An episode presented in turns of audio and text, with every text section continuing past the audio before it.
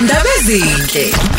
Ukhozi FM. Njalo ngesonto kusukela ngo-12 kuya ku-3 ekseni. makwama mpela kuyimpela sonto noma kwami kwama weekend kuningi okusuke kwenzakala eh kunento esingayinaki eyingxenye yempilo yethu ehlezi yenzeka nje especially mako impela sonto friday saturday sunday thola ukuthi colleague yakho udlule emhlabeni kubi siphatheke kabi sambe sekwi funeral noma emncwabeni but le ngifuna siyibuke le asikhuluma ngoba singcwabisana ngathuki. Sikhuluma ngale side lokuthi noma kushoniwe kodwa the same time kube khona abathi hey udlulile emhlabeni uma fresh siyavuma but fanele ekugcineni sibe nalento esibiza ngeafter tears ukuyiduduza. Abanye uthola ukuthi baspina imoto fakwe ishibi libe la kuphuzwe ujatshulwe eh kwenziwe lokho yana lokho yana lokho ne? Umbuzo ngikubuza wona. Ngokwakho ukubuka ke sikhona isidingo seafter tears? Hayi ngeke ma fresh umuntu masedlule emhlabeni kumele sihloniphe. Bathi uma fresh ube isibhengane nje ube groove why singamvalelisi ngendlela kade efuna ngayo? Hayi ngeke nje ma fresh ngeke nje. Lento iyihlazo. Into sokuyibona sekwenziwa ama after tears.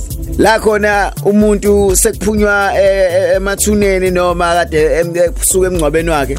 Sekuyahanjwa ke sekuyojatshulwa kuvala umgaqo mawuthi sekasi amakhula box akanje mhlawumbe kuze kube khona ngisho mhlawumbe nama makhithi zeni imoto ipakile kushawa inamba kuthiwa ngeke singamvalelisa umngani wethu. Ubevele naye ephila lempilo le. Sesilwenzile uhlelo lomndeni eh samphelezela swatholile amasaladi nalokho nalokho but manje sesenza into kade eyenza siphila naye thina umbono wakho? Usuke waba ingxenye yayo after tears. Yabanjani? Bekunca wasuleka ngempela inyembezi. Sikhona isidingo kwakhe yasipana isipani noma mase kudlulile nje hayi noma fresh asibuye sibone. Ngingasali sekuba yilo suku. Thumela i-voice notes 0716136667 0716136667 sikhuluma ngendaba yama-after tears la. After uma fresh engasekho emhlabeni ne? Senze njani? Ziyenzeka izinto. Sike siyibone. Bonile kwenzeka ekasi lakho bonile kwenzeka ngakini. Uyizwa njani le yama after tears wena? Ngeke phela singamvalelisi. Hawu ngeke. Uma fresh wethu nje lo nje inkinga yakho wena hayi hayi hayi hayi yeah asimuzwa ke lo mlaleli. Bengithi ngilahlela le voice note but the way khala laphansi ngakhona hayi.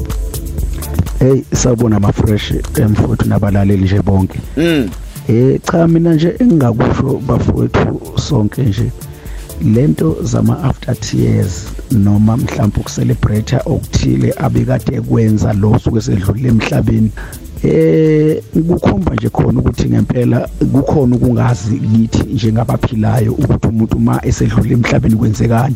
Kodwa ngokusho kwezwi nje kuyabonakala ukuthi vele kusuke kucelebratewa nje noma kwenziwani. Akukho asuke esakwazi ukubuzwa noma ukubona ngokusho kwezwi likaNkuluNkulu lo osuke sedlule emhlabeni. Ngoba ngokusho kwezwi noma ngokuveza kwezwi likaNkuluNkulu umuntu uma esedlule emhlabeni ngosuku adlula ngalo emhlabeni uhamba ngalo ukuhlukana nomhlaba nakho konke okukhona ezweni. So makwenziwa nje lawo ma celebration noma kwenziwana ama after tears indlela benza ngayo abantu isuke ikhomba khona nje ukuthi asinayo iunderstanding ephelele ngesidumbu somuntu ukuthi kusuke kunani esidunjini somuntu. That is why isikhathi esikhulu sihlonishwa kakhulu isidumbu uze ubone ukuthi ungathi lo muntu ngendlela ekhothanyelwa ngayo isidumbu esingasenayo umuntu kube sengathi usesekhona. Kodwa nje bethi ngidlulisa ukuthi ayi akumphazamisi ngalutho lo osuke esahamba vele ngosuku okwaphuma ngalumphefumulo akumthinteli ngalutho ngoba akanasabelo kwabaphilayo. So ke nje ukusho ukuthi uma mhlawumbe ke abantu besuke benza into ezinjalo kuvuma umndeni ngibuka nje ukuthi ke mhlawumbe ngokukuthokozisa bona nomndeni lowo angiboni inkinga mina. Jamlele Khosi FM uthi akayibona inkinga ngoba vele okwenyama okwenyama. Kamoyo kamoyo usho njalo ne? Vele basuke basuke bezoyijabulisa. Ngeke phela hawu sijavu kwama last naye since kade sempilweni zethu. Yo! 15 past 1 o'clock Khosi FM lema phambili #ndaba ezinhle #khosifm 63 man. Eh sawubona ma fresh nabalaleli. hayi Ya mina ngubona ukwenza u- ukwenza ama after tears oba kavele lo muntu usuke seyihambele la emhlabeni usuke sengekho kuleyo nto. Thina sisuke sesijabulisa yena usuke seyihambele umphefumulo wakhe usehlukene no no- umphefumulo wakhe. Nami ngiyalibonga leli thuba. Mafresh ninjani emsakazweni kuyindlela enhle kakhulu mafresh yama after tears. Angisoli mina ngoba vele umuntu bekaphila leyo mpilo. Kuhle ukuthi umuntu masalele bakwazi ukuthi bamvanilise ngayo leyo ndlela ebeyiphila emhlabeni ngoba abantu bamazi ngaleyo ndlela. Angiwasoli mina mafresh Ama- Ula phutuma fresh ikhamba kanjani? shabu kunjani? Afuna kwakho kasibiya lo enkandla. sure Hayi ngiyaluzwa ngiyaluzwa uhlelo limnandi. Hayi kahle kahle ngeside lami mina hayi angiboni after tears i right ngokuthi hey usika livumi ngokwethu sazi ukuthi nje kumele sihloniphe sihloniphe ya imfamily nje yakhe lo muntu kumele ihloniphe kakhulu ithobe Ya ngibingelele my flesh. Ngibingelele. Baba kaNompilo la eGoli ekhaya kuseKZN eMduba. Eh sisonke la semsebenzini la. But lesi sihloko uqhamuka naso Mr. cha asikho isidingo. Kufanele umuntu ahlonishwe mase ehambile. Kufanele sivume nje ukuthi awusekho. Isidingo sokuthi sithiwa siya-celebrate asikho. Should not celebrate a party leyo. Angikhuluma nami lelo Khosi FM angibuya ngala ngishayele emoyeni ku 086 0002437 086 after tears siyayishaya noma no awizwa wena. Nanguma fresh asekho ems- emhlabeni yamazi bekumuntu vele oyiblomela eh mina ma fresh ngibona nje mina nguma fresh mina. Sipano khosini ngangithathi noma kanjani mina? Ngibona kahle? Uphethe nesahle athethe. Ya I I understand. Ilife ebeyiphila lo out lo. Masengasekho emhlabeni. Kuyiphutha yini ukuthi simvalelise ngayo phela? Siyamazi. Asifuni ukungashoka hayi siyamazi ke ke ke. Yena ekugcineni. Khosi FM hayi. Eh my fresh njani my fresh? Angabe yona njani? Hayi siyaphila nathi. Ukhuluma nokhayihlo kamtshali emntubatuba kankomboze ngawamagiya alright after tears or no after tears? Ya mfethu ngisho my fresh ukuthi ena eh after tears kusuke ku celebrate kusuke kujabula nje. Kahle kahle umuntu usuke sedlulile emhlabeni. Siyavuma siyavuma.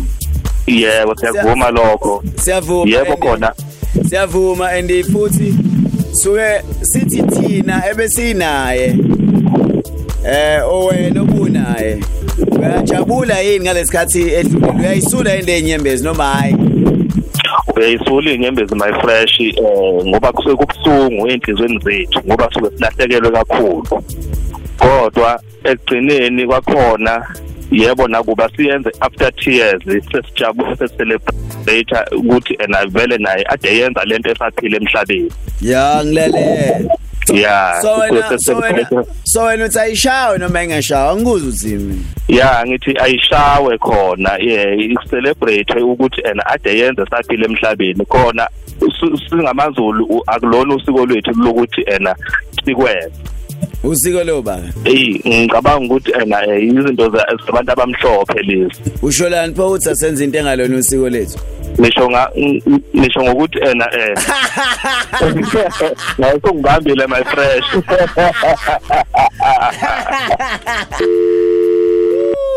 Because yelo hayi sabona kwama fresh. Hayi njani? Siyaphila wena wa wena wakhuba bokuselembe lo emarisbase siya uya- uyayazi after tears babushelene angivile nje ukuchaza nje ukuthi uma fresh mangabe sehambile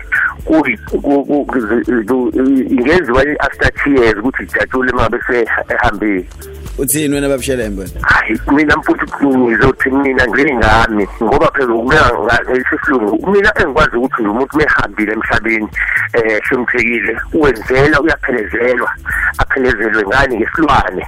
Yebo ke mase kuphuma emathuneni lapha baphele izandla abantu bese beya- beyajabu bese akujatshulwa mese ke eh baphume belitholile abazali behambe ngoba umsebenzi behambe ekuseni bezokusingatha la mfowethu bezokukhalisa mfowethu kodwa manje masuhamba kufanele phela nabo ukhombisa ukuthi umuzwa wendoda le nokhambe mina unkosazi wami akhombisa ukuthi umyeni wakhe ade indoda ahambe menzele ngesilo la bahambe kuba khona phela lowo amahewu lowo sokuthi lo mahewu kodwa hayi lowo osilungu ukuthi kujatshule kwenziwe lezi zinto lezithile mfutha ngimbe lapho ngoba ngisabhede mntana baba wena wenkosi.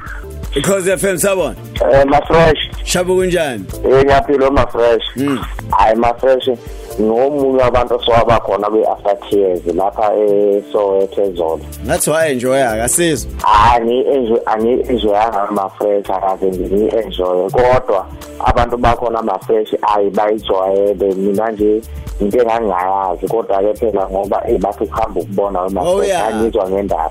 Ngifuna ngifuna ukuyibona ma fresh ngane ngihlale ngiyibona into akufanele into uhlala uqompela ngaso sonke isikhathi kwesinye isikhathi kufanele uyibone uyibone ukuthi ikhulunywa ngento enjani ungazi izinto uyigcine uyibuka kuma television ma fresh la eduze kwakhe waphuzani lapha ku after tears? Ah nama fresh ngayishayela ama drink nama juice kodwa abantu abaningi ma fresh basuke beyifunela lokho ukuziphuzo eyidala nayo ngoba basuke beyijabulisa beyokuthi ma fresh ukukhunjulwa komuntu hayi ma fresh ayikho leyo nto indlela yokufuna nje ukuyijabulisa ngotshwala ngizwanga. Ndaba ezinhle kuKhosi FM njalo ngesonto kusukela ngo12 kuya ku3 ekseni